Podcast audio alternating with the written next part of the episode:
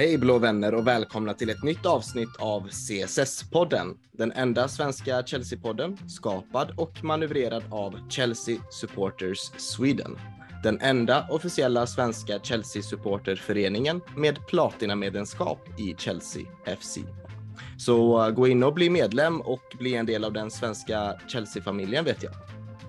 Eh, har du ännu inte hunnit lämna fem stjärnor på podden så gör gärna det på både Spotify och Apple Podcasts. Det hade vi varit väldigt tacksamma över. Eh, vi kan dessutom nu också tipsa om att eh, prenumerera på vår nya Youtube-kanal eh, där vi också kommer ut med mer content om eh, vår älskade klubb Chelsea. Eh, med mig idag här har vi Linus. Tjena Linus, hur är läget med dig?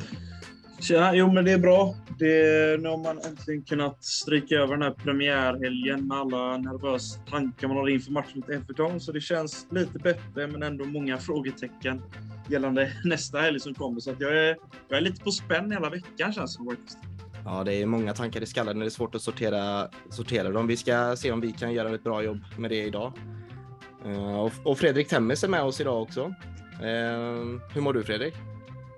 Jo då, jag mår bara utmärkt. Eh, eh, men jag instämmer i det som eh, Linus precis sa, att det är väldigt skönt att vi äntligen tog den där jävla segern på, på Goodison Park. Men jag är också redan nu väldigt nervös inför helgen med tanke på hur bra Spurs såg ut.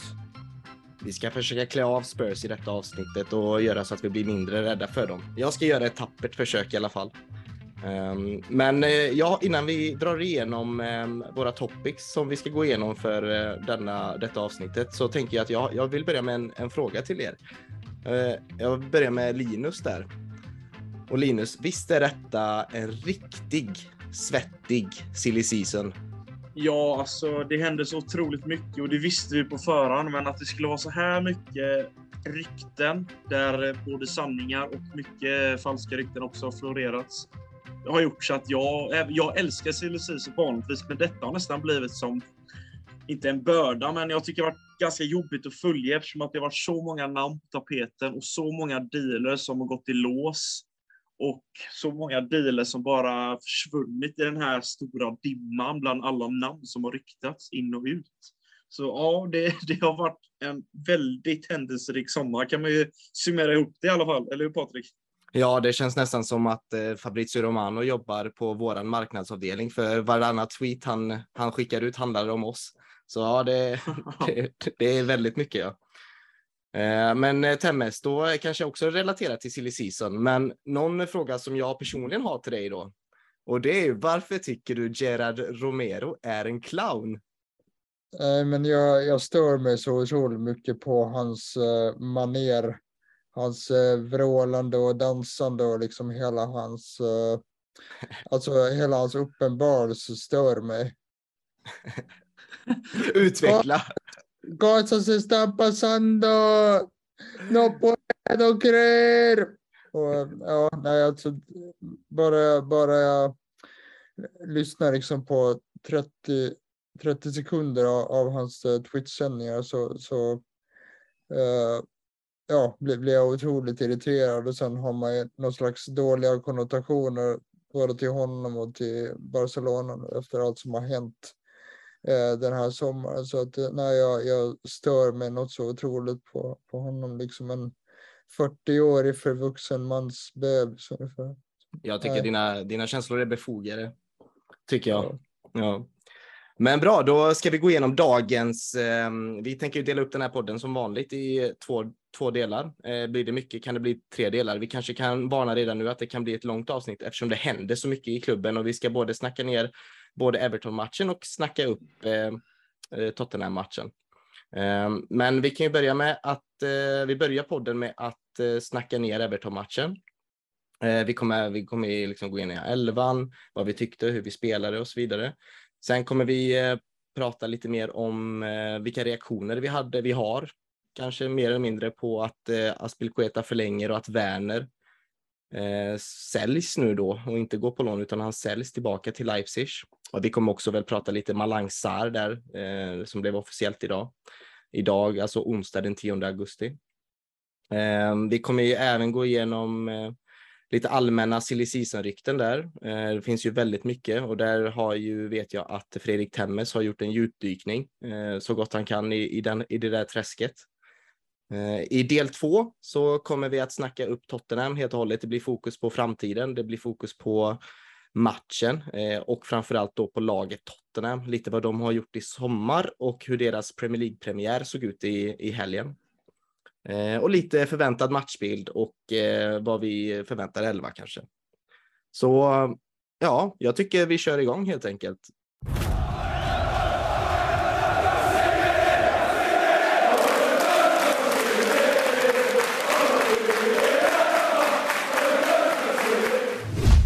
Så ja, vi började alltså med tre poäng eh, gladeligen mot Everton borta på Goodison. Och det var ingenting eh, många kanske förväntade sig då vi historiskt sett har haft det väldigt svårt att vinna på Goodison Park.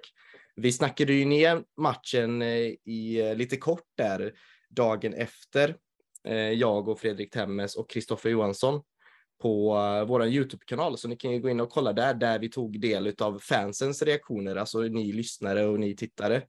Ehm, om vad ni tyckte och vad ni hade för reaktioner. Så vi, det var ju mer vad ni tyckte. Nu tycker jag att vi gör ett djupare fokus på vad, hur vi har analyserat matchen i efterhand. Um, lite trivia kring matchen som också nämndes i den, i den uh, Youtube-klippet var ju att nu har ju Chelsea har vunnit alltså 20 öppningsmatcher i Premier League.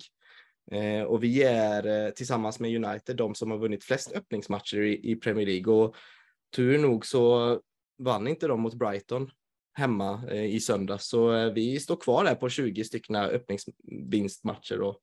Eh, så det är en jättefin statistik att ta med sig. Och Torshäll är ju näst bäst på att få, han har tagit näst flest poäng på bortaplan sedan han tog över Chelsea. Det är bara Pep Guardiola och Manchester City som är bättre på bortaplan rent poängmässigt. Ehm, så det var ju lite ehm, förutsättningarna då, både före och efter matchen. Eh, och ehm, ja, det känns ju jättebra att vi tog hem eh, tre poäng. Har vi, nu har det gått några dagar sedan, sedan vi vann och sen premiärmatchen hölls. Eh, och du sa det Linus lite i början att du kände att det var skönt att det var liksom överstökat på något sätt. Känner du, är det fortfarande de känslorna som, som består efter premiäromgången?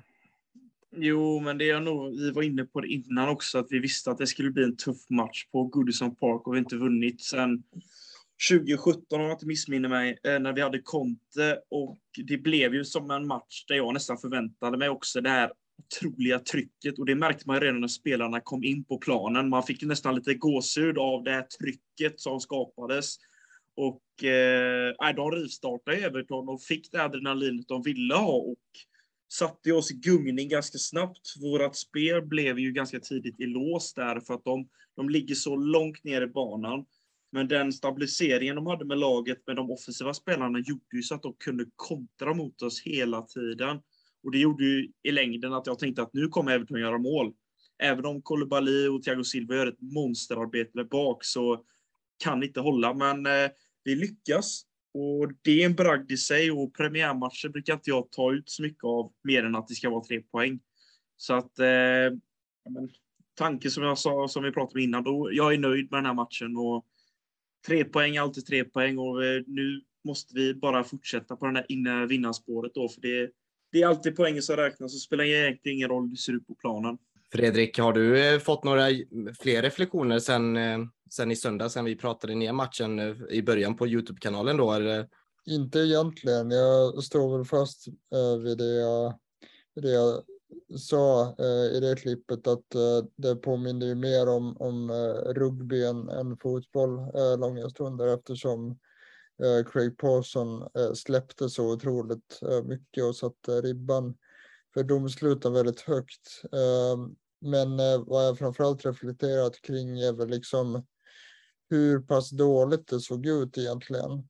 Och jag, jag håller ju med eh, Linus om det att eh, tre poäng är det som räknas och i synnerhet med tanke på att vi har haft så svårt mot eh, Everton och den historiken vi har.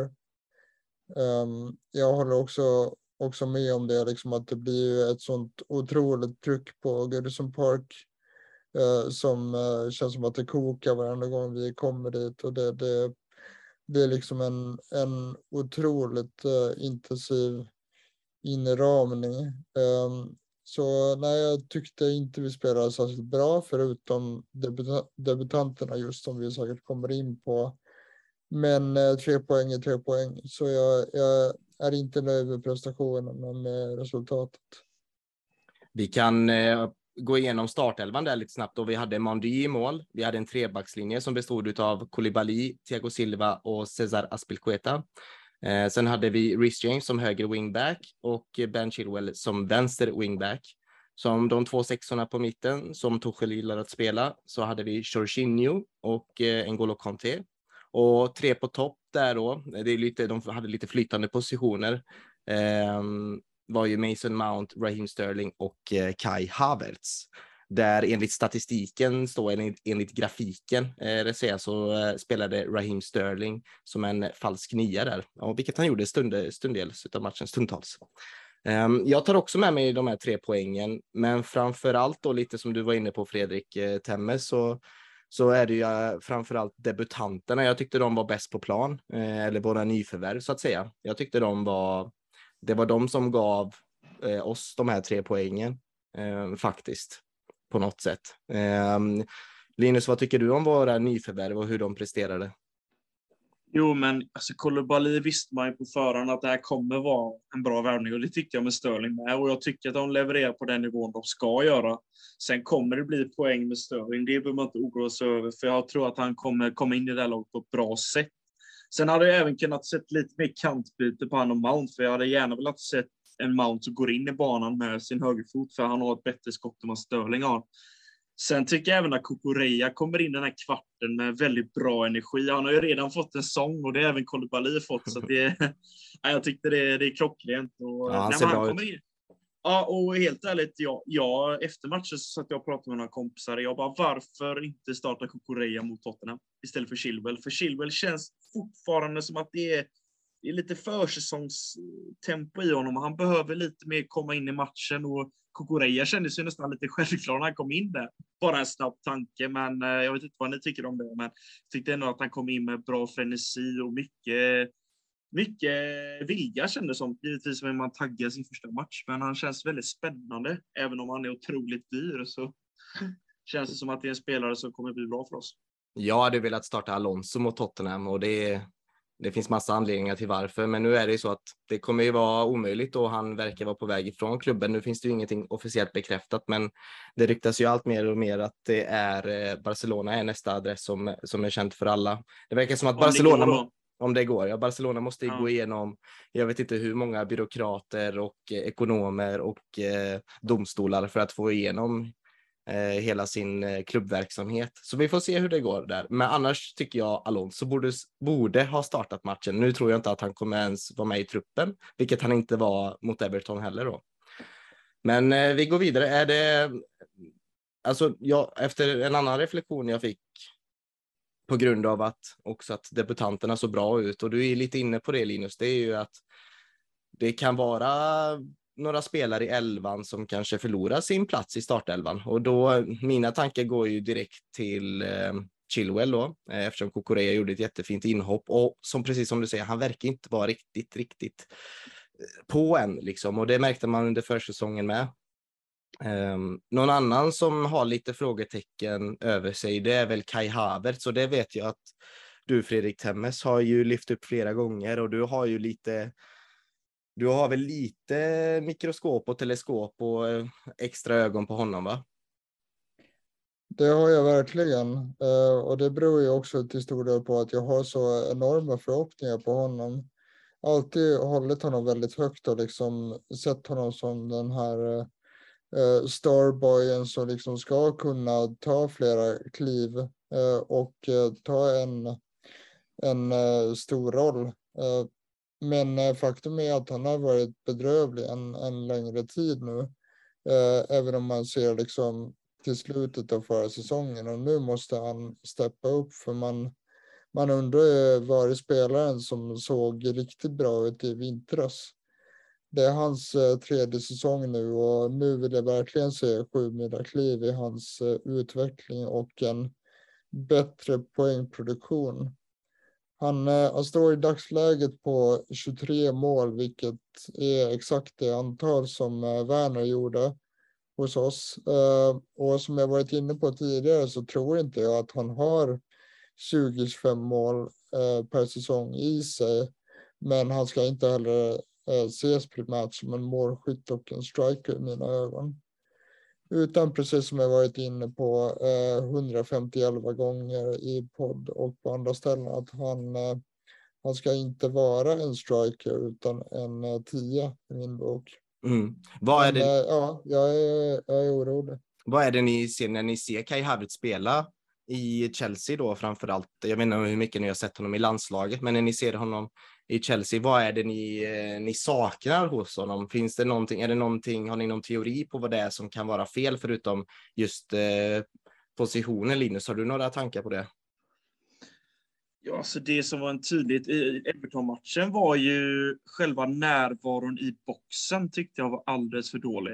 Eh, det är flertal gånger där i matchen man inte såg honom där han ska vara, inne i boxen och försöka få tag i bollen och även kunna vara ett spelbart alternativ. Det fanns inte sådana lägen tycker jag, så många i Everton-matcher och ett problem generellt med Kai Havertz i Chelsea är ju jag tycker att han har en bristande del i det tekniska, att driva bollen. Det är inte hans främsta egenskap och det gör ju också att det blir svårare för honom som anfallare där då inte den tekniska delen hänger med på samma sätt som vi jämför med Drogba som hade det här drivet oschysst att jämföra med Drogba, men nu drar vi bara stora paralleller här. Och dels, han har mycket i sig, Havertz, men det som krävs är lite mer skärpa, både i avslut, men även den tekniska delen tycker jag saknar eh, en del kvaliteter för att kunna driva in bollen på ett mer dominerande sätt och även fysiken är någonting han behöver bli större i kroppen för de mittbackarna flyttar på honom ganska enkelt, även om han är lång så behövs nog några extra kilo muskler. För man har ju sett att Mount har börjat tuffa till sig lite och har nog varit, på, varit i gymmet lite fler gånger. Och jag tror även Kahavets behöver ta lite tips därifrån. För att den fysiken han har behöver nog höjas lite, tycker jag. Men mm. Eh, det är svårt att sätta fingret på det.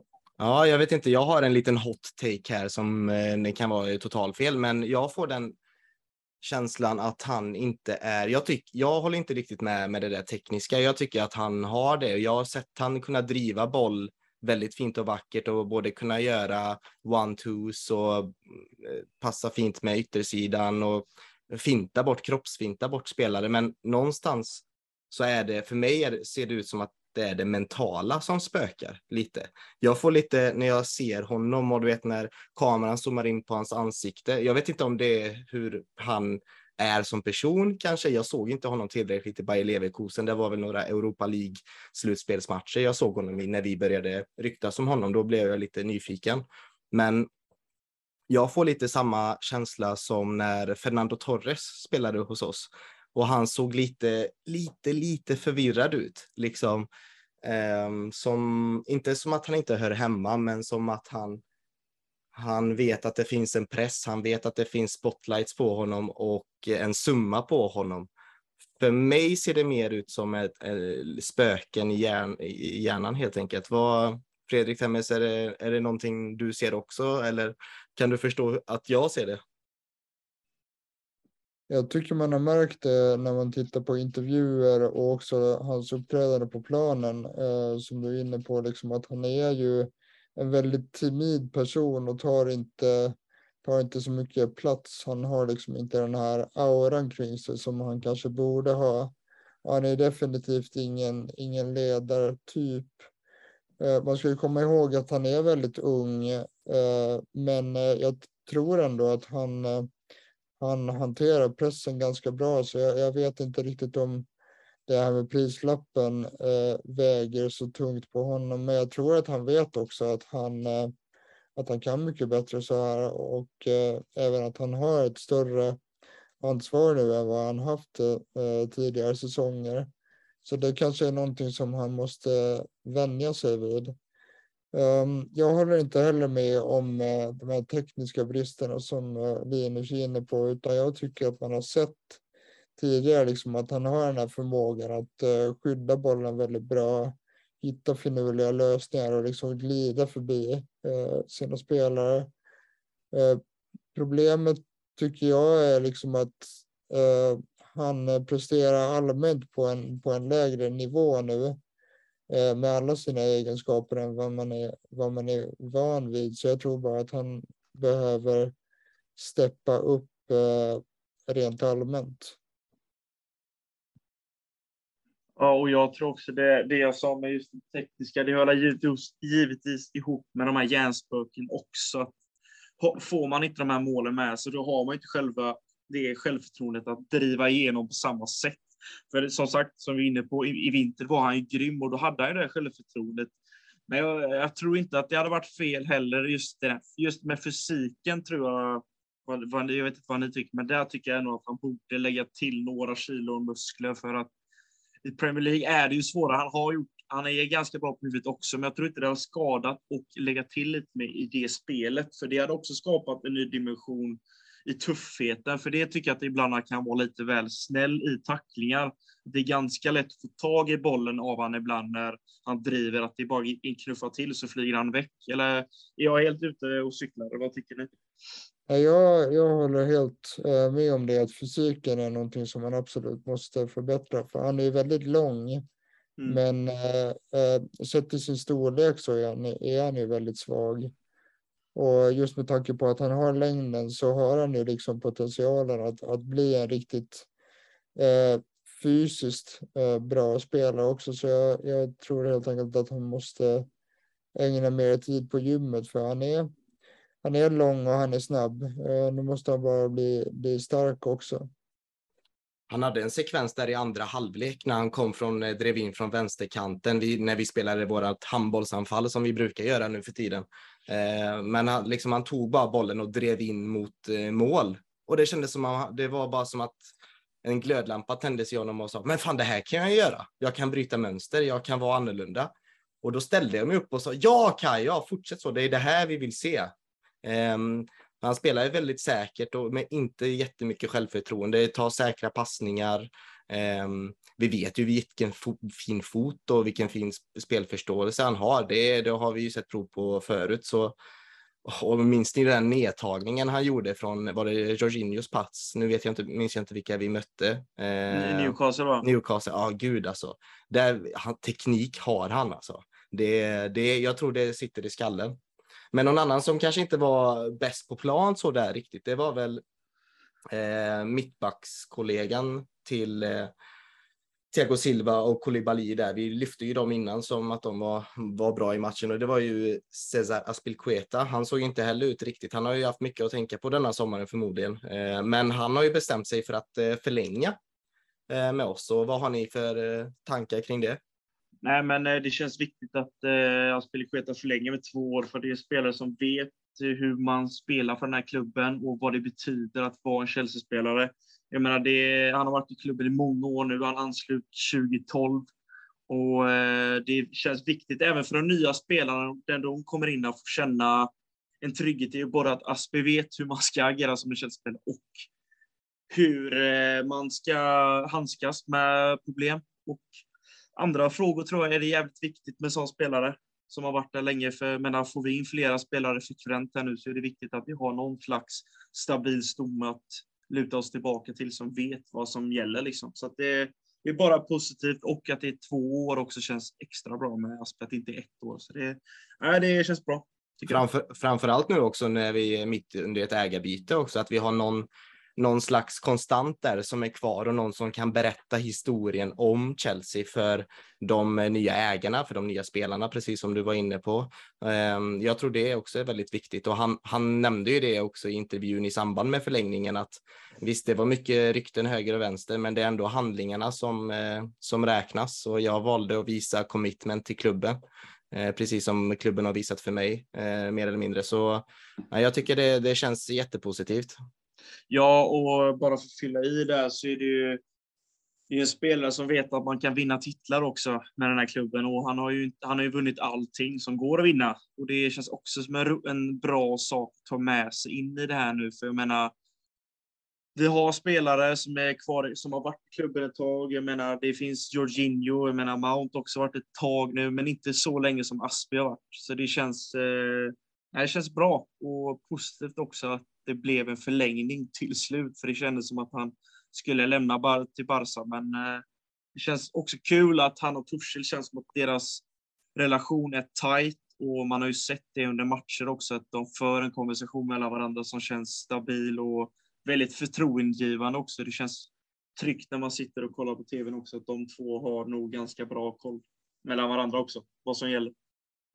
Nu är en annan en spelare som inte valde att eh, stanna i våran klubb och kämpa för sin eh, plats dock. Det är ju Timo Werner som eh, nu är klar för eh, Leipzig och eh, Fredrik Temmes, vi gjorde ju en live där. Vi hade precis eh, snack, spelat in vårt nedsnack där med, med Everton-matchen och så kom den här bomben och du var påpasslig och sa vi kör en live direkt och reagerar på detta. Um, och det var ju live-reaktionen nu när det har smält i några dagar. Vad, vad känner du i efterhand så här nu då? För jag, just nu känner jag väl att fan, han var en sån jäkla bra kille liksom och han var en bra karaktär och han tog bra löpningar och luckrade upp vissa försvar och fan vilken bra kontringsspelare han är. Det kommer vi sakna, eh, tycker jag. Um, hade han bara skärpt sig framför mål och satt några baljor så tror jag faktiskt han hade varit kvar och då, då menar jag inte att han hade kanske sagt 20 fler mål utan hade han bara gjort 10 mål till eller 7 mål till så tror jag han hade älskat att vara kvar här. Min åsikt har väl eh, inte förändrats sedan dess. Eh, han blev en, en flopp och en försäljning är det, är det bästa för alla parter eh, känner jag fortfarande och jag eh, kommer inte att sakna honom. Jag har förståelse för att man kan sakna honom som person eh, och för hans hårda arbete och hans eh, professionalism. Men eh, för mig i alla fall så räckte det inte. Jag blev alldeles för frustrerad av hans brister. Hans oförmåga att göra mål och hans otroligt bristfälliga grundteknik. Och som jag sa där på liven också, som jag har upprepat i alla möjliga forum nu, är att det krävs en aning mer än att jobba jättehårt, springa jättefort och vara en jättetrevlig kille för att spela för Chelsea. Eh, han gjorde alltså totalt eh, 23 mål på 89 matcher, vilket är ett helt bedrövligt facit för en spelare som trots allt köptes för att vara vår eh, skyttekung. Eh, tio av de här målen kom eh, på 56 matcher i Premier League, varav 50 procent av dem eh, kom mot eh, Southampton som ju har för vana att släppa in eh, eh, nio eller sex mål liksom i enstaka matcher per säsong. Och eh, mot just Southampton så gjorde han då fem mål på fyra matcher. Däremot så ska jag säga så att han, han var en helt annan spelare i Champions League. En eh, stats stat som jag såg här efteråt som verkligen förvånade mig är att faktum är att han aldrig förlorade en enda match i, i Champions League med oss. Och där gjorde han eh, åtta mål och, och fyra assist. Men eh, summa summarum så, nej, jag, jag tycker att hans tid var, var kommen nu. Jag tror att det blir bra både för oss och för honom att han får återvända till en miljö där, eh, där han känner sig trygg. Eh, det som är lite synd nu eh, är att eh, som vi varit inne på, så det handlar ju om, om ett direktköp, vilket är bra. Däremot så sägs summan för köpet vara lägre än den som först rapporterades. Precis. Romano har uppgett nu att det handlar om 20 eh, miljoner euro plus eh, istället för de eh, 20-25 och från början 33 eh, miljoner som det rapporteras om. Men eh, vi behöver egentligen få in få in all eh, cash vi kan nu eh, när vi gjort så stora utlägg. Så jag ser det ändå som positivt att, att det blir ett definitivt avsked här och nu. För jag ser inte heller vitsen med att man skulle låna ut honom en, en säsong. Eh, och sen ha honom tillbaka. Utan jag tror att eh, de här problemen hade varit bestående. En spelare som eh, dock går på lån, eh, vilket blev bekräftat idag då, onsdagen den 10 augusti, det är ju att Malang Sarr går på lån. Ehm, och så som jag vet, så som jag förstår det, det var Monaco. Och så som jag har förstått det så är det en, utslö en slags klausul på att om han gör x antal matcher så är det en klausul på 15 miljoner euro Um, vad tycker ni att han går på lån? Jag, jag, jag blev aldrig riktigt såld på Malang Sarr. Jag tycker det är bra att han åker iväg till Frankrike och utvecklas lite mer. Um, men jag såg även varför Tuchel tyckte om att spela honom eh, vissa matcher. Men jag tycker väl inte att han är varken var nära någon startplats eller någon hyfsad bänk plats heller. En bra truppspelare, men bra för honom att han går på lån. Ja, han var ju eh, aldrig tillräckligt bra och skulle egentligen aldrig ha spelat för Chelsea. Eh, enda anledningen till att han blev kvar förra säsongen var ju att en låneaffär med Greuter Fürth eh, kollapsade i sista minuten på deadline day. Så det var egentligen en tillfällighet att han, att han blev kvar. Rent krasst så värvades han gratis för att säljas med vinst och det ser han ut att göra nu. Så för mig så är det job done. Mm. Ja, och jag känner spontant att det är en spelare som aldrig riktigt tog chansen när han väl fick den. För alla skador vi hade förra säsongen gjorde även att han fick spela den här wingback-positionen där vi har bland annat Chilwell och Kukureya nu. Och där såg man att de kvaliteten hade han inte offensivt, vilket gjorde att tekniskt sett att vänsterkanten aldrig blev det här hotet offensivt och det störde mig väldigt många matcher. Speciellt en match, det var mot City på bortaplan, för då hade Sterling nästan lekstuga med honom på kanten. Eh, han hängde inte med helt enkelt och det, det visar tydligt på flera matcher att det är en spelare som inte riktigt håller måttet i de här större matcherna och spelar i Premier League. Och, så jag ser bara detta som något positivt både för Chelsea men även för han själv, för jag tror inte att han hade känt att det hade fungerat på, på längd för att eh, han har inte de kvaliteterna som håller för att spela i Chelsea helt enkelt. Så att vi, jag tror vi är enade alla tre att det, det var nog bäst för alla parter att han fick säga adjö. Jag tycker det är imponerande, eller imponerande. Jag tycker det är väl eh, bra business eh, done, precis som du var inne på Fredrik Temmes, för att just, jag vill inte att han skulle hamna i det här eh, Bakayoko, eh, Batshuayi-facket heller, utan att, han, eh, att det blir en snabbing. Nu får vi se om den här klausulen aktiveras i och med hur många matcher han spelar, vilket det verkar vara som. Ehm, så ja, i så fall är det ju bra business done. Så får vi hoppas att han inte han är, är under Chelsea-kontrakt om tre år heller och vi har svårt att bli av med honom. Eh, vi kan också i all korthet eh, nämna att eh, Matt Miaska gick till eh, Cincinnati i MLS på free transfer för några dagar sedan. Ehm, så inte han heller är en eh, Chelsea-spelare längre och det var verkligen på tiden. Ja, ja, som sagt, det är ju svinbra att klubben rör sig så här fort nu och att vi får bli Det hade varit så gött att bli av med Batshuayi och Barkley och alla dem också. Eh, vi får se hur mycket vi hinner detta fönstret. Det är ju ändå hyfsat långt kvar. Det är väl tre veckor kvar kan man väl säga ungefär va? Men man, eh. man, man kan ju säga det också att eh, eh, ägarna jobbar så i Dodgers i alla fall att de, eh, de bryter och köper ut kontrakt på spelare som är överflödiga och det här är ju någonting som kanske vi borde anamma. Eh, man har resonerat där att eh, visst, det kanske kostar en del, men det är ändå bäst att, att eh, cut your losses och, och trimma kostnaderna. För under förra ledningen så var det så att, att eh, Marina ville ju liksom ville ju till varje pris få ut de här extra korvörerna ur, ur de här lånespelarna och det är därför vi har sett uh, spelare som uh, Batshuayi och Bakayoko och de här få, få förnyade kontrakt år efter år just med förhoppningen att, att man skulle att man skulle få dem sålda. Men kanske är det bäst att bara klippa banden med några av de här nu.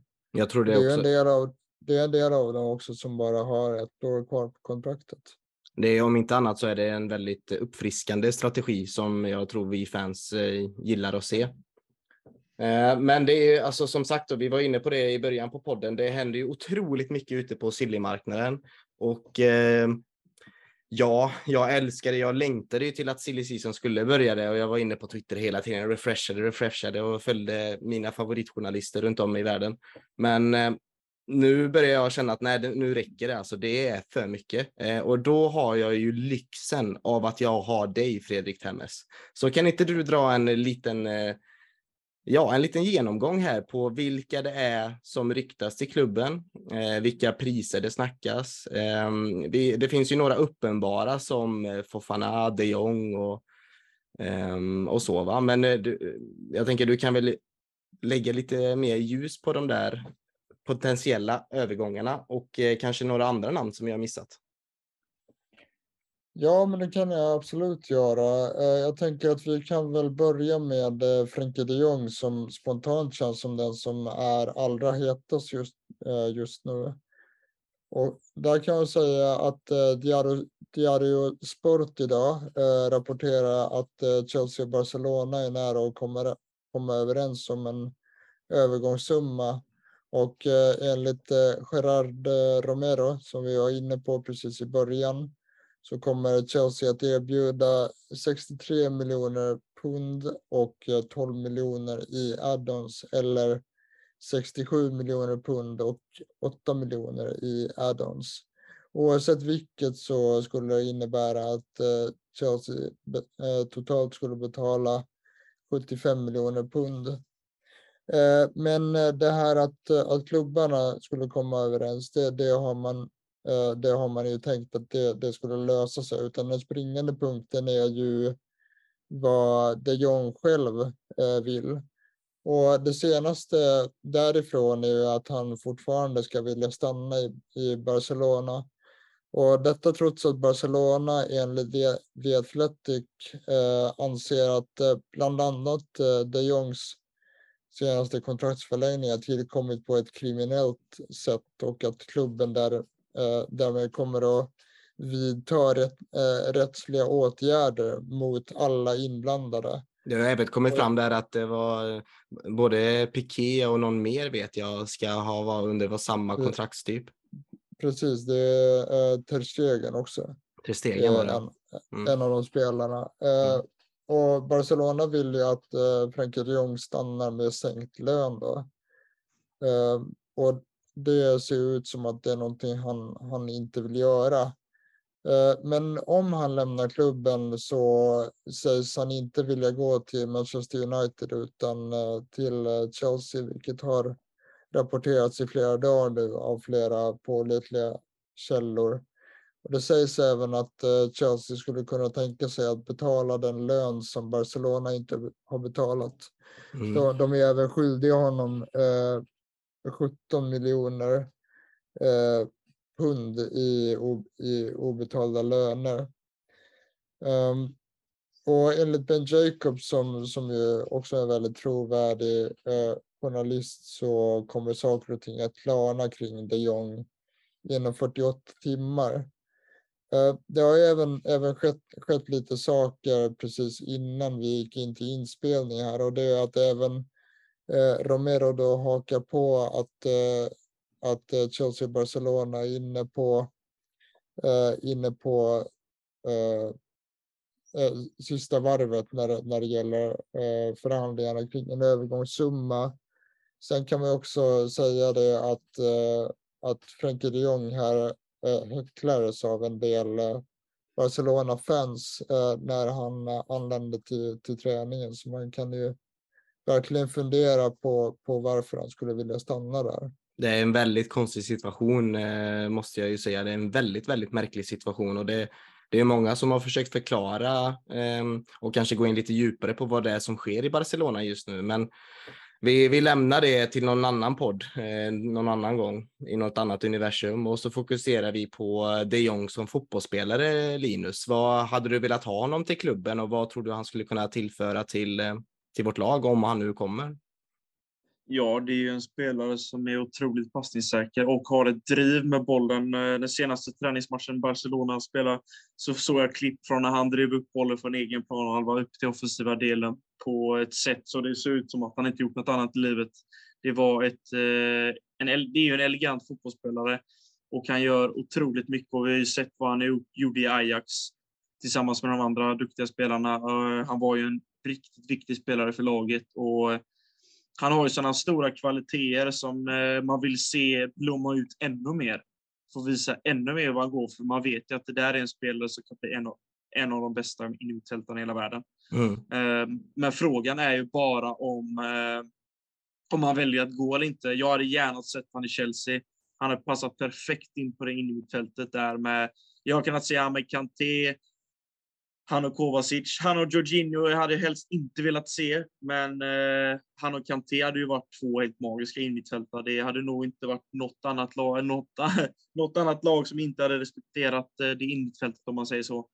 Eh, nej, det är en spelare som jag... Eh, det är en 10 av 10 värvning om vi skulle få in honom. Mm. Det, jag är väldigt fascinerad över hur eh, Real Madrid eh, väljer att föryngra sitt mittfält och lite hur de de, har, de kör ju på sina Casemiro, Kroos och Modric. De har ju spelat i 200 år känns det som, men fortfarande på toppen. Men de har ju gjort bra värvningar även på det inne mittfältet där, de centrala. De har ju värvat in Tuchemeni som vi var lite sugna på. Klubben var Chelsea var ju sugna på honom med. Och så Kamavinga då förra, förra sommaren. Så jag, de, och de har ju typ accepterat sin plats där att okej, okay, vi, vi kommer inte till Real Madrid för att starta kanske första säsongen, utan vi kom för att lära oss av väldigt, väldigt, väldigt bra mittfältare, kanske de bästa i världen. Eh, och då tänker jag, fan det här, eh, se och lär Chelsea. Det här borde vi också göra. Vi har väldigt många bra mittfältare som eh, har vunnit världsmästerskap, Europamästerskap.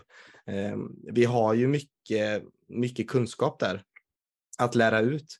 Eh, på mittfältet. Och då tänker jag, varför har man inte då, varför har man inte kanske tänkt på den här andra vågen av yngre spelare för att föryngra truppen lite mer? Eh, där ser jag ju de Jong som någon som skulle kunna vara en del av den föryngringen som måste ske snart Eh, på vårt mittfält. Ehm, just för att vem är det som ska ta över det sen då när Shoshini inte orkar springa mer, vilket han inte orkar så mycket mer heller. När Conte är så pass skadedrabbad att inte han kan spela lika mycket fotboll, vilket vi ser tendenser på. Ehm, är det Gallagher som ska vara där på mittfältet eller behöver vi en, en förstärkt föryngring?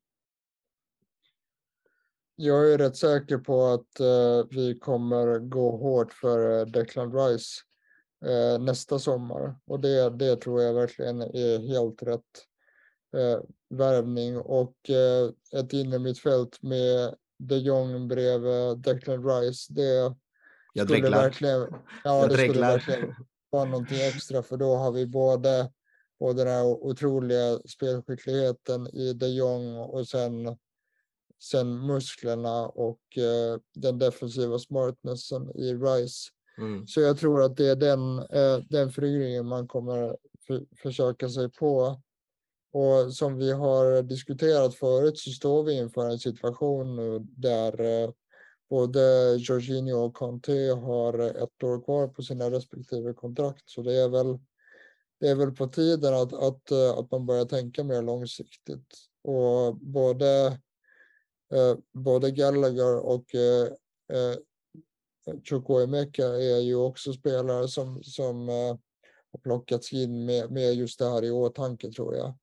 Om vi går tillbaka till de Jong så eh, ser jag eh, honom, precis som Linus, som en, en, en helt otrolig värvning. Han, han har just den här spelskickligheten och är, är ju liksom en en Kovacic 2.0 eh, med en eh, helt briljant eh, passningsfot. Och han, han har ju också den mångsidigheten att han skulle kunna spela både som sexa, åtta och tio. Mm. Så han, han kan ju göra väldigt många roller där. Och det ska man säga att hans defensiv är, är väl kanske inte den bästa, men jag läste lite intressanta stats häromdagen jag har inte dem till hands nu, men eh, eh, andemeningen där var i alla fall att hans eh, defensiva stats är inte så mycket sämre än Rodris faktiskt. Okay. En, en, spelare som, som ju ses som en av de bästa i ligan. Mm. Sen, sen är det klart att det inte är hans spets, utan hans spets är just bolltransporterna och det kreativa spelet. jag, jag tror att, att eh, ja, nej, jag, jag, vet att det skulle vara en helt otrolig värvning. Mm. Och min, min känsla är faktiskt att han eh, kommer. Ja, Han, sit, han sitter i en väldigt taskig sits nu i Barcelona. Det är liksom att antingen så sänker du din lön och spelar kvar här eller så eller så stämmer vi dig och driver en rättslig process medan du sitter kvar på din feta ja det är lön. ju jättemärkligt.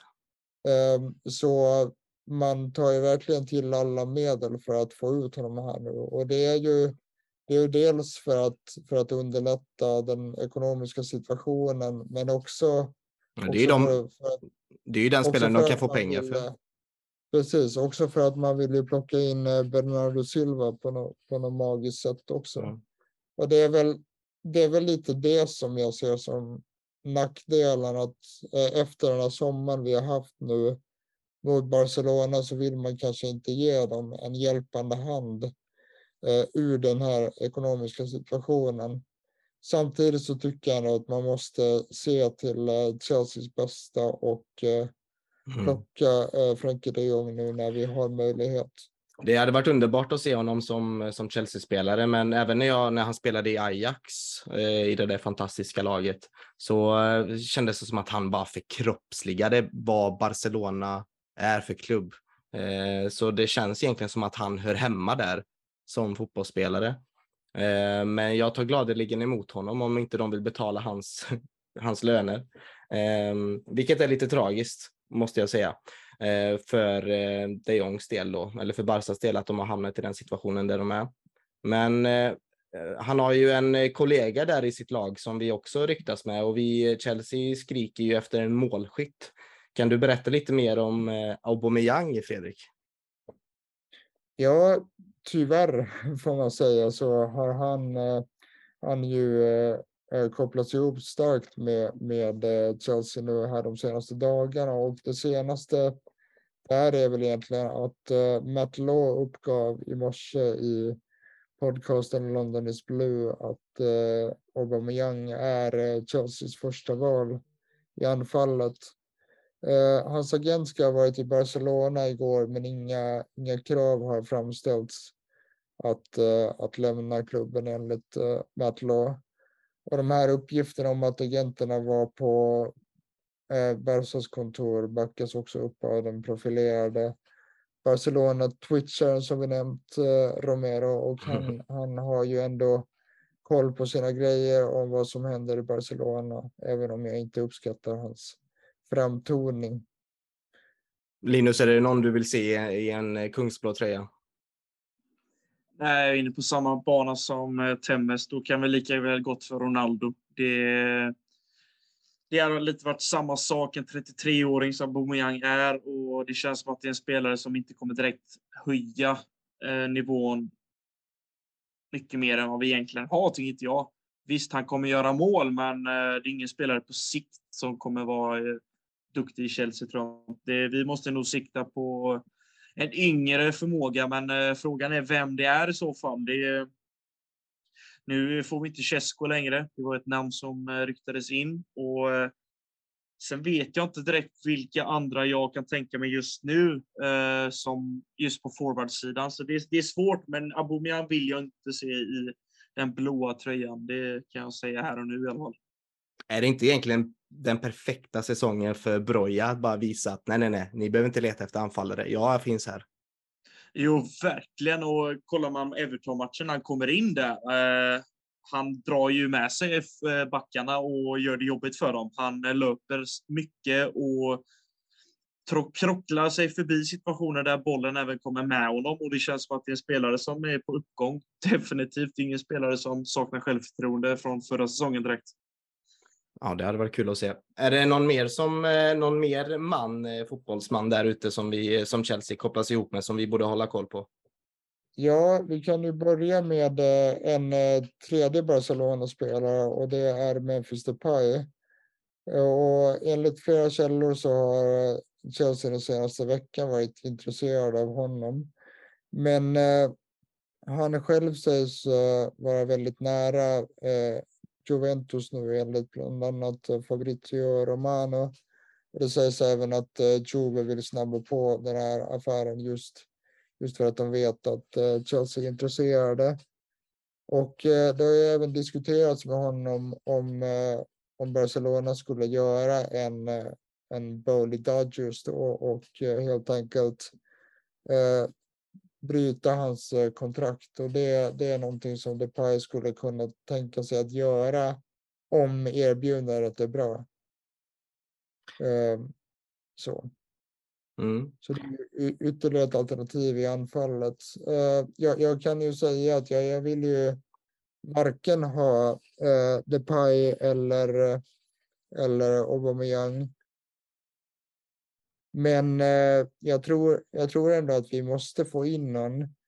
Eh, för även om Broja är väldigt lovande så tror jag också att det kan vara farligt att eh, ge honom allt för stort eh, ansvar. Utan jag, jag, jag tror nog att det mest rimliga är att man värvar in en tredje gubbe där som kan avlasta Sterling och Havertz om vi skulle få eh, väldigt bekymrande skador. Samtidigt som jag är mån om att Broja får mycket speltid, men det ska vara i rätt matcher och rätt situationer.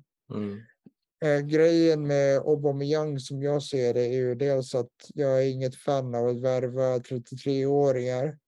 Han är dessutom en spelare som lever väldigt mycket på sin, på sin snabbhet. Um, sen sen eh, kan man ändå inte sticka under stol med att han, eh, eh, han är ju en, en skicklig målskytt får man säga och Tuchel har ju fått ut mycket av honom. Däremot så någonting som oroar mig också med honom är, är de här eh, oprofessionella eh, beteenden som han har haft under, under eh, vissa delar av sin karriär, inte minst i Arsenal nu när han blev av med eh, kaptensbindeln och det var även lite, lite tveksamheter kring honom i Dortmund eh, när han skulle lämna för just eh, Arsenal om jag inte minns fel. Mm. Så Aubameyang, nej tack. Ja. Det, det, känns som att det har byggts en, eh, håller på att byggas en eh, brygga här mellan eh, Barcelona och London. Vi får se om den håller och om den är stark och om den bidrar med några bra övergångar eller inte.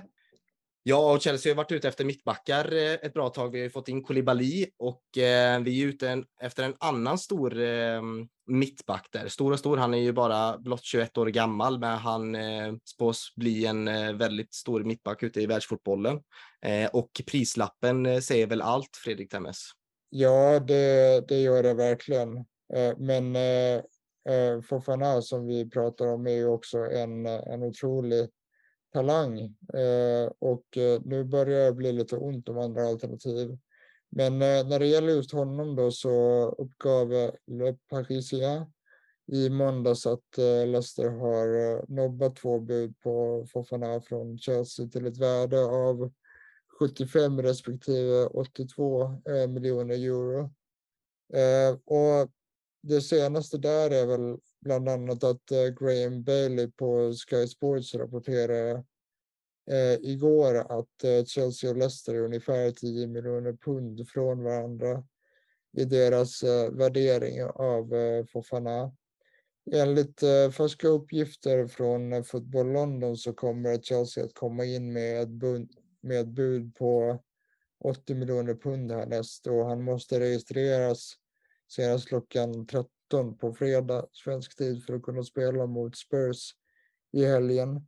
Det är lite kontrasterande uppgifter om det här eh, kommande budet. Eh, jag lyssnade på en eh, livestream med Ben Jacobs precis innan vi började spela in här och han, han tror att nästa bud kommer vara lite under 80 miljoner pund. Men att man kommer ha en bättre struktur på budet. Och det som menas med strukturen är ju liksom att vil, eh, hur stor del av, av eh, summan kommer betalas eh, i en klumpsumma och hur kommer betalningarna ske och vad, eh, vad ska lägga läggas till i add-ons. Men eh, det är där vi står med, med Fofana just nu. Det, det känns som att det hade varit ett väldigt eh, bra tillskott till vår backlinje. Och eh, det känns som att hela Chelsea-Twitter, eh, att det finns en eh, slags propagandamaskin du som skriker Fofana in och “Come Com Wesley och allt det där, alla hashtags som finns. Men Linus, det är väl någon du verkligen vill se i vår backlinje, va? Ja, vi har varit inne på i tidigare poddar också, där vi har spelat in att det är ju en spelare vi alla vill ha in. Det är en 10 av 10, om inte 11 av 10 värvning. Och eh, trots den tunga skadan så har han kommit tillbaka på ett bra sätt och vi såg det i premiäromgången här nu mot Brentford att även om de kryssar så gör eh, Wesley Fofana ändå en bra insats där. Han är en trygg punkt i det här försvaret och Leicester har ju tappat många spelare så att eh, de kommer ju få det tufft och jag tror att då hade det även lockat att komma till ett topplag i Premier League där han kommer få växla ytterligare och man vet att fansen vill ha honom och att han är välkomnad på alla sätt in till klubben och jag tror också att Champions League är någonting som lockar för många spelare. Och spela i Leicester i år där du inte har något slags Europaspel och de kommer få det tufft, tror jag, på förhand. Tack vare alla tapp i laget. Så jag tror att det finns mycket som talar för att han ska komma in och att han har stora kvaliteter som skulle bli bra på sikt för Chelsea. Eh, det är väldigt mycket som händer på silly season. Jag känner att jag bestämmer här och nu faktiskt att eh, vi kommer köra en liten silly season special Eh, nästa vecka när vi bara kanske fokuserar på eh, rykten ut och rykten in eftersom det är så mycket som händer på marknaden. Vi var bara förra veckan satt vi här och undrade om Kokorea skulle komma in som Chelsea-spelare. Ehm, bara några timmar efter det, att vi, vad vi trodde om det, så blev han det. Eh, vi har inte riktigt heller hunnit kanske snacka ner honom eller snacka upp den övergången riktigt eh, mycket i detalj. Ehm, så ja, bevisligen sker det väldigt mycket bara på en vecka. Så vi kör en Silly Season Special någon gång i början på nästa vecka tycker jag och en vanlig podd inför nästa match eh, i slutet på veckan. Men eh, med det så tackar vi för den Silly sammanfattningen och eh, går vidare till del två.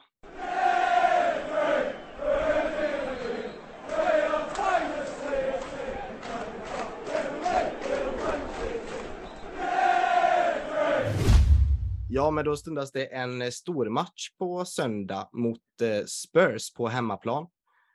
Mm, där vi möter ett eh, formstarkt Tottenham, eh, är ju första känslan, även fast det bara gått eh, en omgång. Men det är ju den känslan man får av Tottenham, både när man har sett deras lumpen för säsong.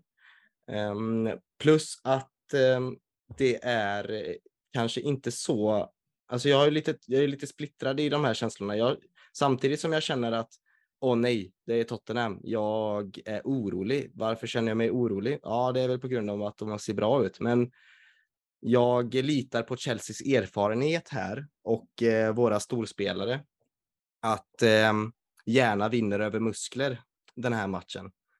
Um, så jag tror ju, jag har ändå en halvpositiv känsla inför den här matchen, men jag vet att ni inte riktigt kanske delar den uppfattningen. Eh, Linus, om vi börjar med dig, vad, vad får du för spontana känslor när du hör Chelsea-Tottenham? Ja, det var nog länge sedan jag kände att det var så ovisst på förhand mot Tottenham. För jag menar, de senaste åren har, har vi haft enkelt mot Tottenham. Jag menar, Free Point Lane var ju ett namn vi haft med oss ett tag när vi, vi spelade på White Hart Lane, där vi bara rullade in tre poängare. Men eh, i år, inför den här matchen speciellt, så känns det väldigt öppet. Det kommer nog svänga ordentligt, både fram och bak eh, i defensivt offensivt spel för Chelsea. Och eh, det gäller nog att hänga med från start, för man har ju sett att Tottenham, de, de har släppt handbromsen ordentligt nu.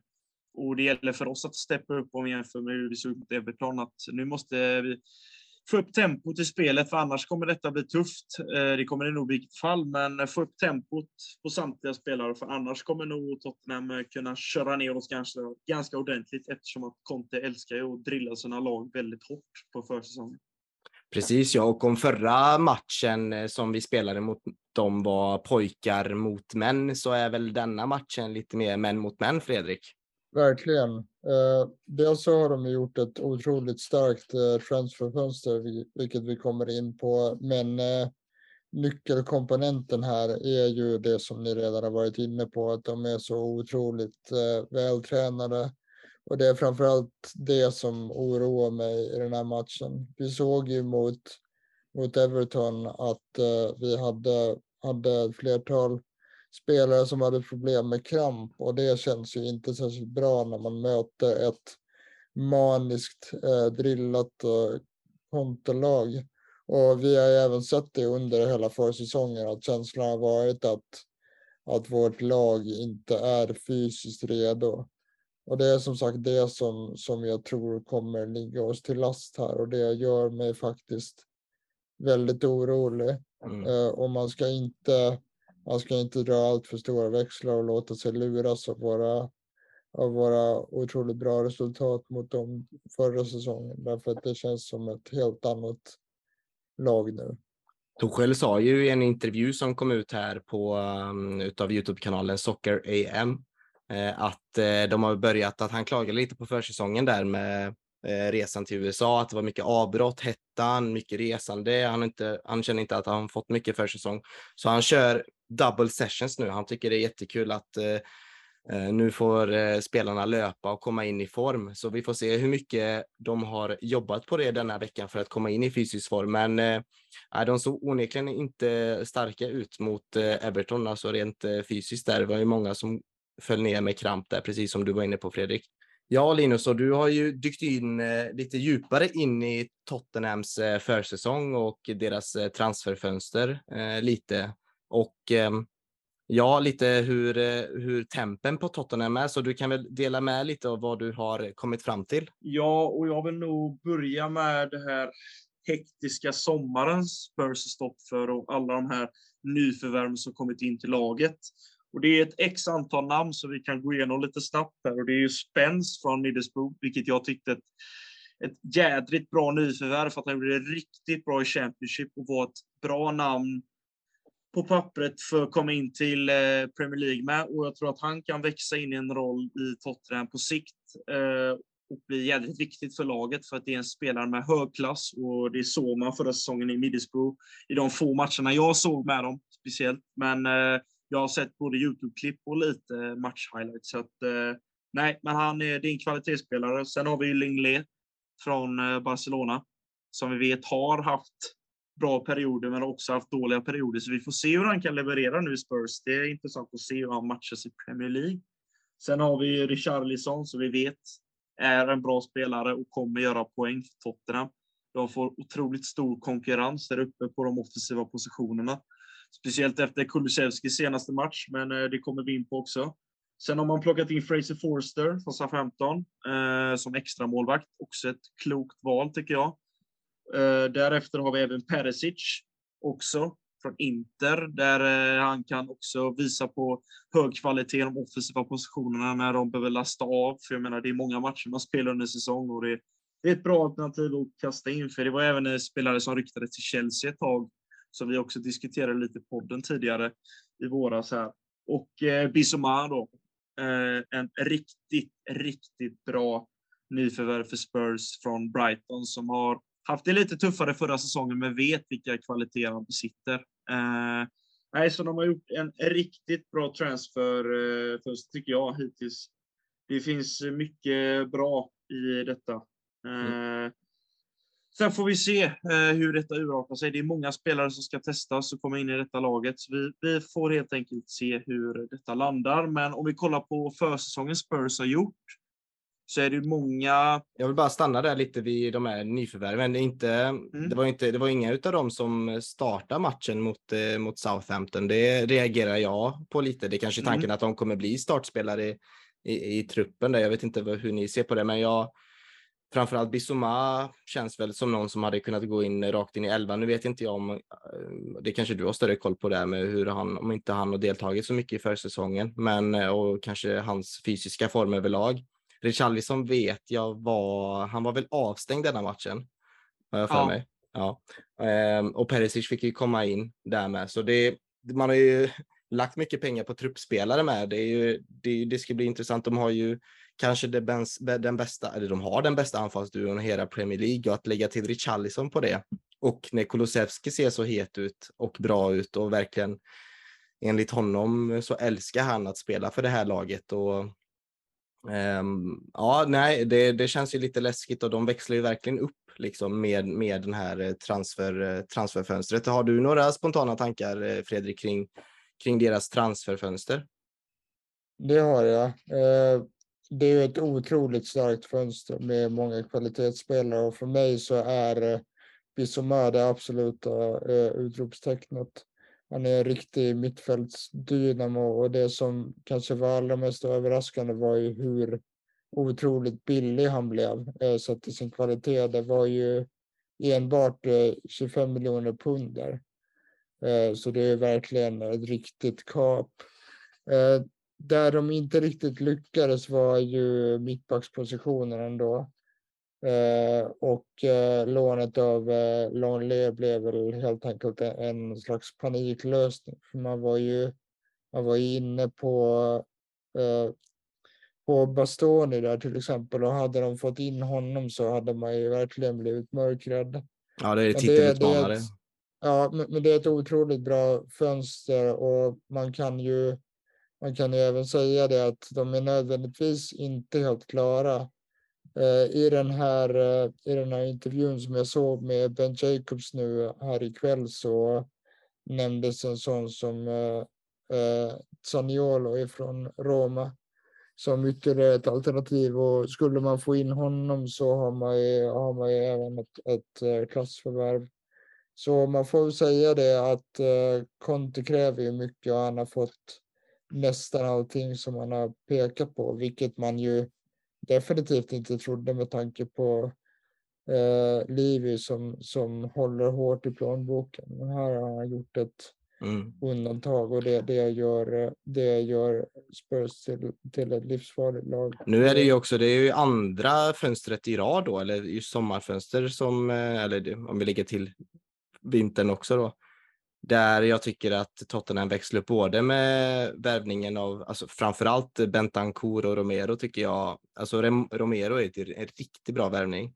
Bentancourt, jättefin mitt, mittfältare och Kulusevski har vi ju sett också vad, att han eh, gör mycket poäng eh, för, för klubben. Så det är, väl in, det är väl egentligen först med förra sommaren egentligen man har börjat eh, växla upp lite mer. Ja, och det tror jag också är ett tecken på att Spurs har nog med Conte börjat sätta en mer struktur hur man vill och hur man vill agera på ett transferfönster.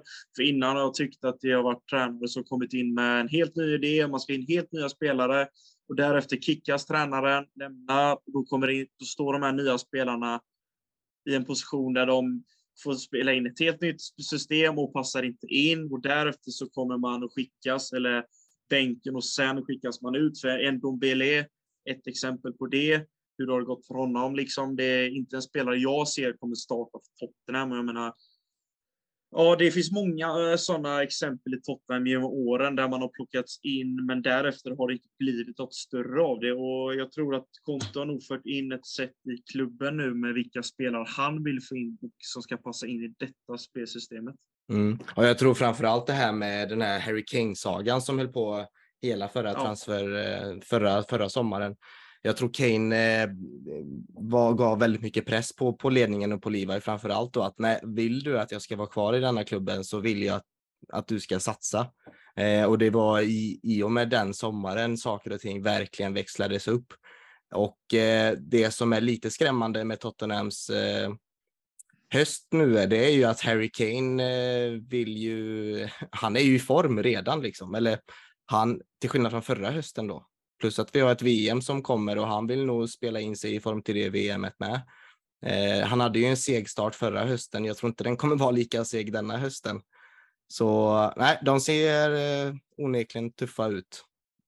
Eh, innan vi helt går över på, på spelartruppen och matchen så skulle jag bara vilja säga att eh, Eh, Konto har gjort en hel del och man måste även ge en eh, enorm eh, eloge till till Director of Football, där Fabio Paratici, som ju var en otroligt bra värvning av, av Livi, för han, han fick ju väldigt mycket skit i Juve för alla möjliga konstiga affärer, men han har ju visat han har visat nu sedan han kom till Spurs förra sommaren vilken otroligt skicklig Mm. director of football han är. Dels det här att han hade en otrolig, otroligt stor del eh, i att övertala Conte att komma och sen liksom scouta fram de här eh, guldvärvningarna och identifiera eh, till exempel eh, Kulusevski då. Mm. Eh, och han har ju han har liksom förändrats så otroligt mycket på den korta tiden. Där, så han har verkligen han har verkligen återupprättat sitt, uh, sitt rykte Paratici. Så man ska absolut inte, inte glömma hans roll i hela projektet. Det har du helt rätt i. Ja, um, många sätter ju Tottenham som uh, jag tippar dem att de ska komma trea i ligan. Gör ni likadant? Ja, det gjorde jag. Jag satte Spurs som trea. Eh, med Ja. reservation för att vi eventuellt kan ta tredjeplatsen om vi nu eh, får igenom de här värvningarna. Men eh, för mig så känns Spurs hetast på förhand och jag satte dem som liga trea. Jag är nog inne på samma bana som Temmes där att eh, hamnar inte vi trea så kan nog Spurs göra det. Eh, får de ihop det här laget som de nästan har gjort redan tycker jag för att de börjar se spännande ut redan efter första omgången. Så tror jag att de här nyförvärven omgång efter omgång kommer komma in i detta laget och bara göra det bättre hela tiden. Så de kommer växa under säsongen. Frågan är, kommer de ta en titel? Det kommer de gå för någon kupptitel? För jag menar, på pappret har de ett lag som kan göra det, men nu är det Tottenham vi pratar om och de har haft en himla mycket oflyt och inte tagit titlar, vilket också har blivit ett stort skämt bland alla andra. Speciellt bland våra fans gillar jag att reta dem för det och jag har inte ont av det heller. Men eh, det är frågan, är det dags för Spurs för en ny titel? Det, ska bli spännande att se. Ja, Eh, vet ni, eh, kommer ni ihåg eh, när de vann en titel senast och med vem? Eh, var, det inte, var det inte mot Chelsea typ 08 Woodgate avgjorde? Eh, Jag är ute och cyklar. Vem, vem var det som tränade dem? Sätter du det? Harry Redknapp. Ska jag ge er facit? Eh, precis, som, eh, precis som Linus var inne på så, så var det 2008 och det var under eh, Juan de Ramos Ah, av alla Mm. tränare ja, okej. som, som vann ligacupen. Så det är Spurs Five Minutes of Fame de senaste åren. Ja. Nej, men jag, jag, om vi går tillbaka till vad jag tror vart, vart de hamnar i ligan så de är lite svårtippade. Jag, min känsla är ju att alltså, Conte är ingen kupptränare. Eh, Jag har aldrig sett honom som någon form utav som anpassar sig till sitt motstånd riktigt, så jag tror att eh, det är oftast det han faller på. Eh, Sen tror jag väl att så, det, vi får komma ihåg att det är ett tätare spelschema i Premier League nu till hösten på grund av det här VMet och att de spelar i Champions League. Och vi vet ju det själva från egen erfarenhet att Conte riktigt inte klarar av det. Eh, nu har de ju i och för sig förstärkt sin trupp och inte bara sin elva. Så eh, gör de eh, bytena rätt och eh, matchar spelarna rätt så kanske det kan hålla ut hela säsongen. Men jag tror, om jag får tippa så tror jag att de ehm, inte klarar av att ta en tredje plats i alla fall. Möjligtvis en fjärde plats eh, som de kommer slåss antingen med oss eller med, med Arsenal om då. Ehm, så nej, jag, jag ser lite farhågor med så här många, så, sån tätt matchande, Champions League på det också och eh, många betydande spelare som ska iväg och spela, spela VM och då är det väl framförallt Harry Kane då jag, jag kanske tänker på. Plus att eh, Conte har inte för vana att eh, rotera heller. Snarare så är det ju så att han, han sätter en 11 och sen kör han på, på 13-14 spelare ungefär.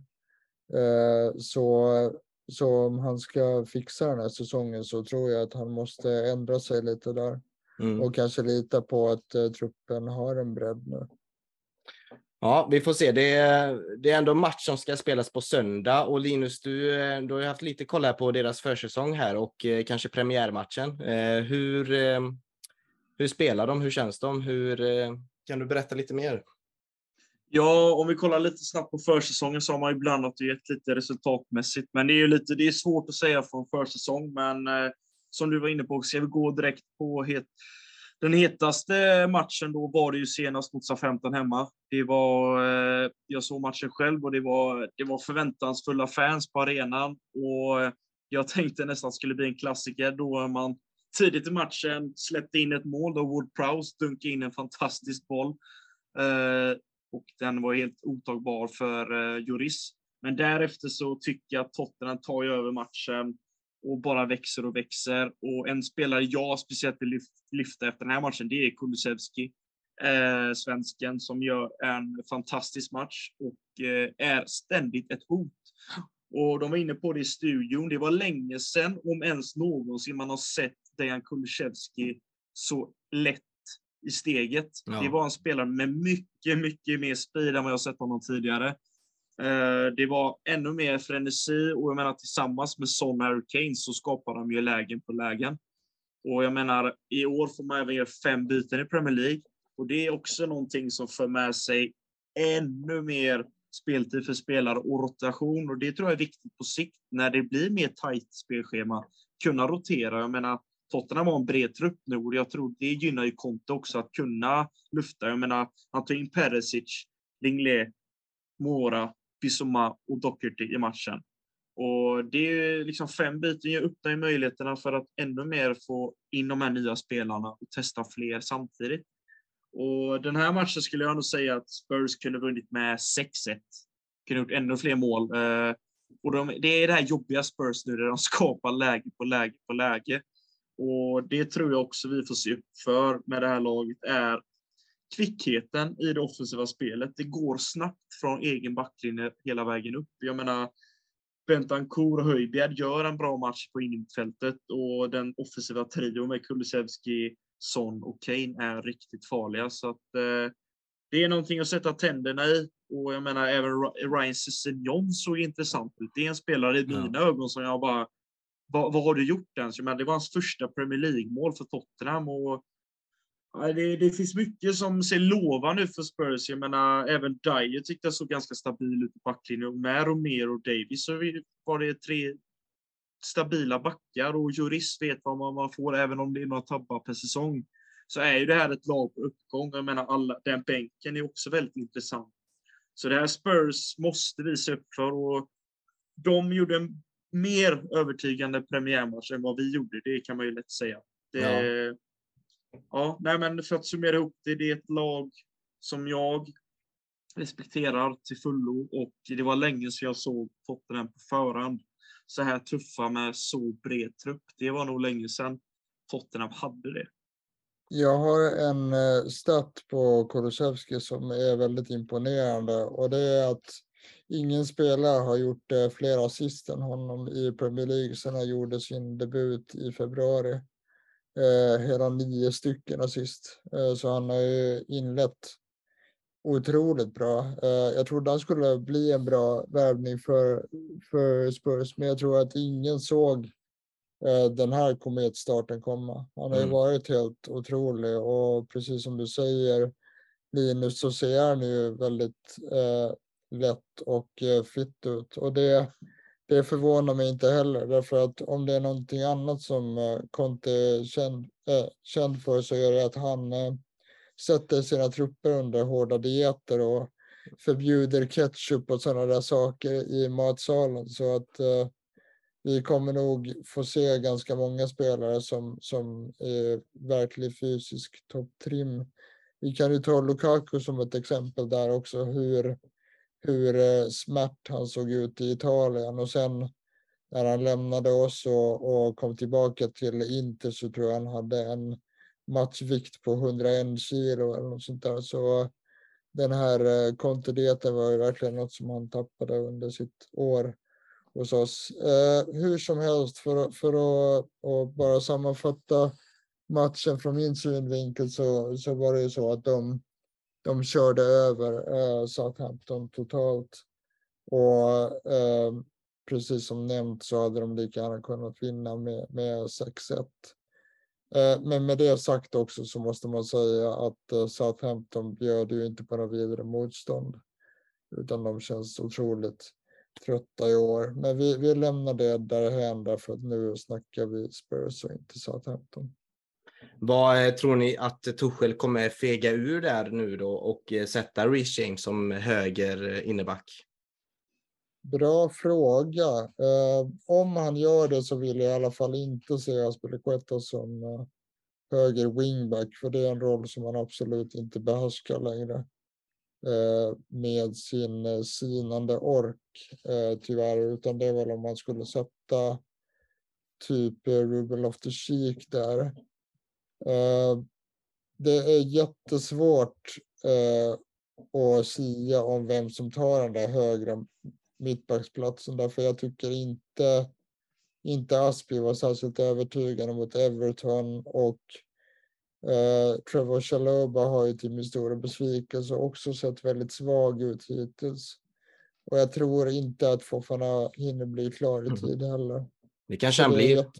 Det kanske-. Ja, Ja. man kan ju hoppas det, men då ska det ske en värvning senast i övermorgon. Mm. Men eh, vi, vi kan väl ta eh, en förväntan när vi ändå är inne på det. Vad, vad, vilken elva tror ni Tuchel ställer ut där Linus? Om vi börjar med dig.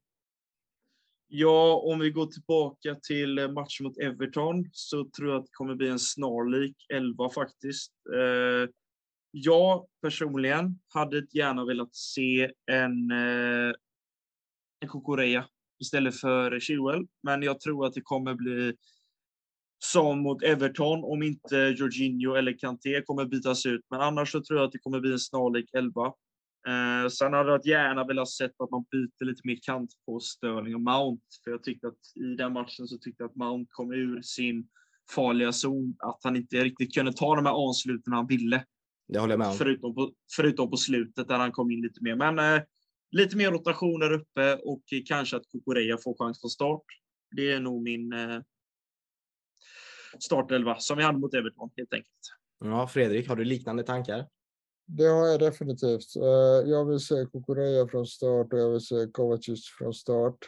Eh, Någonting som man kan diskutera är att det har, har i Chelsea-kretsar och även i vår CSS-poddgrupp och på Twitter eh, pratats väldigt mycket om huruvida Broja ska starta. Eh, Ja, jag tror nog att, eh, att eh, Kai Havertz kommer starta här också, för han är ju en eh, big game player trots allt. Jag tror att nästa match som är mot Southampton, om jag inte minns fel, är en mycket bättre, mycket bättre möjlighet för Braja att starta. Man kan ju nämna det också här att nu i veckan här i dagarna så spelade eh, spelade reserverna en, eh, en träningsmatch eh, på Cobham. Och med reserverna så menar jag då de här A-lagsspelarna som inte spelade eh, mot Everton. Alltså till exempel eh, Kokoreya och eh, Callum Hudson-Odoi och ja, helt enkelt de, de spelare som, som eh, inte deltog eh, mot Everton. Och det är ju bra med tanke på matchfitnessen. Men eh, för att åter, återknyta till din fråga, ja, jag har ungefär samma tankar som Linus om startelvan. Mm. Du då? Ja, jag, jag tror ju precis. Jag, vill, jag är inne precis på samma spår som dig där Fredrik, att jag hellre ser Kovacic eh, starta. Nu vet jag inte riktigt om det är han, om det är någon skada han sitter på eller varför inte han riktigt kommer in i form. Eh, Han var ju skadad lite på försäsongen så han ligger väl lite efter övriga Ja. truppen. förmodligen, man kanske inte vill ruscha in honom för jag tror Tuchel eh, förstår hur viktig han kommer vara för vårt lag resten av säsongen. Eh, så jag tror man är lite extra försiktig eh, där. Sen eh, just Kukureya, jag vet inte om jag skulle vilja exponera honom sådär eh, första matchen, men varför inte? Eh, varför inte? Ta, gör han en bra match mot, eh, mot eh, Tottenham så tror jag Chilwell kommer kämpa hårt för att eh, få tillbaka sin startplats och det är kanske precis det Chilwell behöver för att komma tillbaka in i form.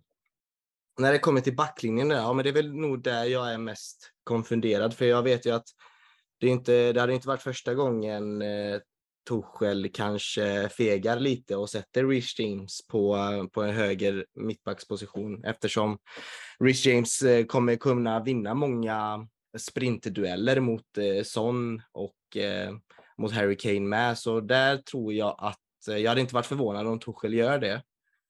Jag hade inte kanske riktigt litat på Aspekueta att han skulle kunna vinna de här sprintduellerna mot Son. Så eh, jag kanske hade gjort detsamma och fegat ur där lite, men då vill jag nog hellre se eh, Ruben Loftus-Cheek där på högerkanten. Sen tycker jag att de tre, jag tycker de förtjänar en till start tillsammans. De ska ändå spela ihop sig, Raheem Sterling, Mason Mount och eh, Kai Havertz. Men precis som Linus är inne på så vill jag absolut inte se Mount på högerkanten och om han nu ska spela där så måste han komma in mycket mer in i matchen. Men jag hörde där också ett litet, eh, litet rykte där om att Lampard ska tydligen ha eh, sagt till eh, sina Everton-spelare att eh, försök, försöka låsa ut Mason mycket ur matchen. Att han är en nyckelspelare just för att han känner Mason Mount så pass bra. Så det kanske var bara väldigt bra, eh, en taktisk liten vinst som Lampard gjorde där eh, över Tuchel att få ur Mason ur, ur matchbilden totalt. Så vi får se. Jag vet inte om det är just positionen i sig som är fel eller bara att eh, han blev eh, utspelad helt enkelt på, på Goodison Park. Men jag ser hellre honom komma in från en vänsterflank, precis som Linus är inne på. Men i övrigt så, ja, det är väl eh, annars ska allting se normalt ut. Jag tycker Conte förtjänar och eh, han ska spela den här matchen. Det är ju de här matcherna vi behöver honom som mest. Men en förväntad matchbild då, det är ju, ja, jag hade inte alls eh, tyckt det var jobbigt om vi satt och försvara mycket den här matchen, även fast vi är hemma på Stamford Bridge och sen lita på att eh, Sterling, eh, Kai Havertz och Mason Mount och våra fina snabba ytterbackar kan springa igenom deras eh, försvar. Vad tror ni?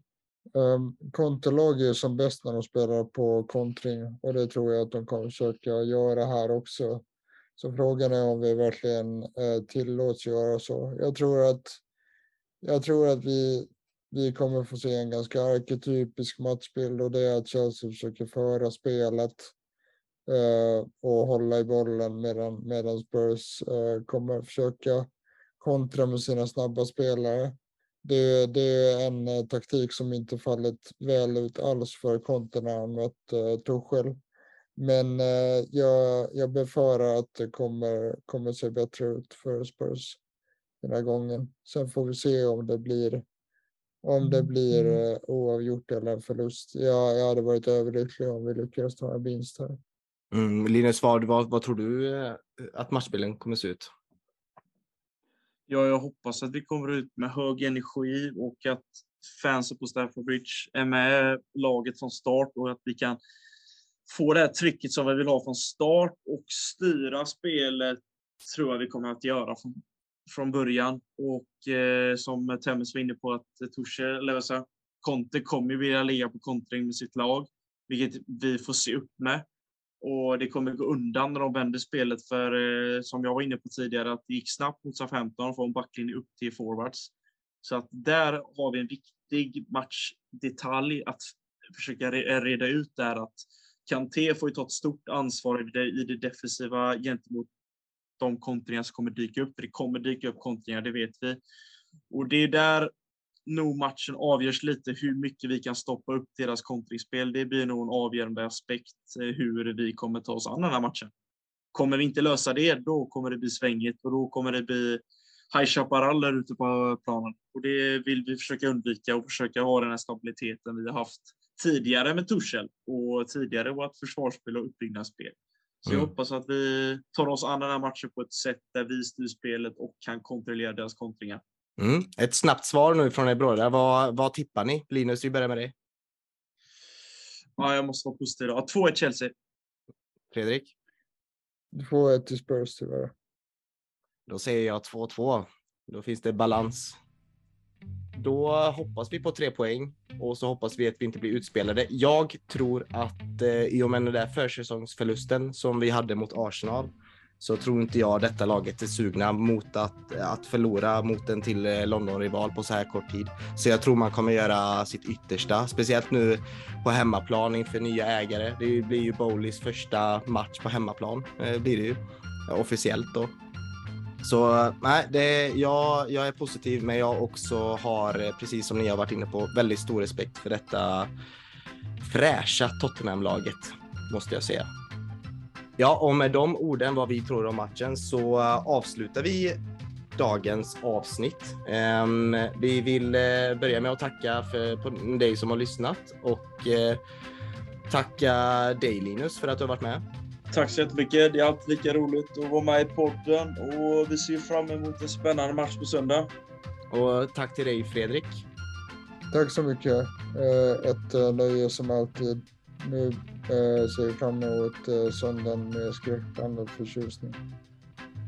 Och tack för era insatser idag i podden och att ni gjorde ett djupdyk i laget och med den här galna silly season. Det kommer ju som sagt lite mer avsnitt om silly season nästa vecka. Vi ska försöka få ut ett avsnitt om det tidigt nästa vecka, så håll utkik där. Ehm, men avslutningsvis så vill jag påminna att eh, följa oss på våra sociala medier. Vi har ju gruppen CSS-podden på Facebook. Är ni inte med i den gruppen så gå gärna med där. Där kan ni vara med och påverka vilken eh, content det är som ska behandlas och vilka ämnen det är som vi ska diskutera i både vår eh, podd och på vår Youtube-kanal också som vi har nu. Ehm, vilket jag också kan rekommendera att ni går in och följer och prenumererar. Eh, men framför allt då är väl att det bästa sättet ni kan bidra och hjälpa till, det är ju att ni blir medlemmar i Chelsea Supporter Sweden. Ehm, det är ju vi, vi jobbar ju ideellt här med att få ut så mycket mm, Chelsea-content som möjligt som är bra och kvalitativ. Eh, och det är egentligen det bästa sättet att eh, bidra till eh, den här supporterklubben så och med de orden så vill jag återigen tacka för att ni har lyssnat och så hoppas vi på tre poäng på söndag. Keep the blue flag flying high.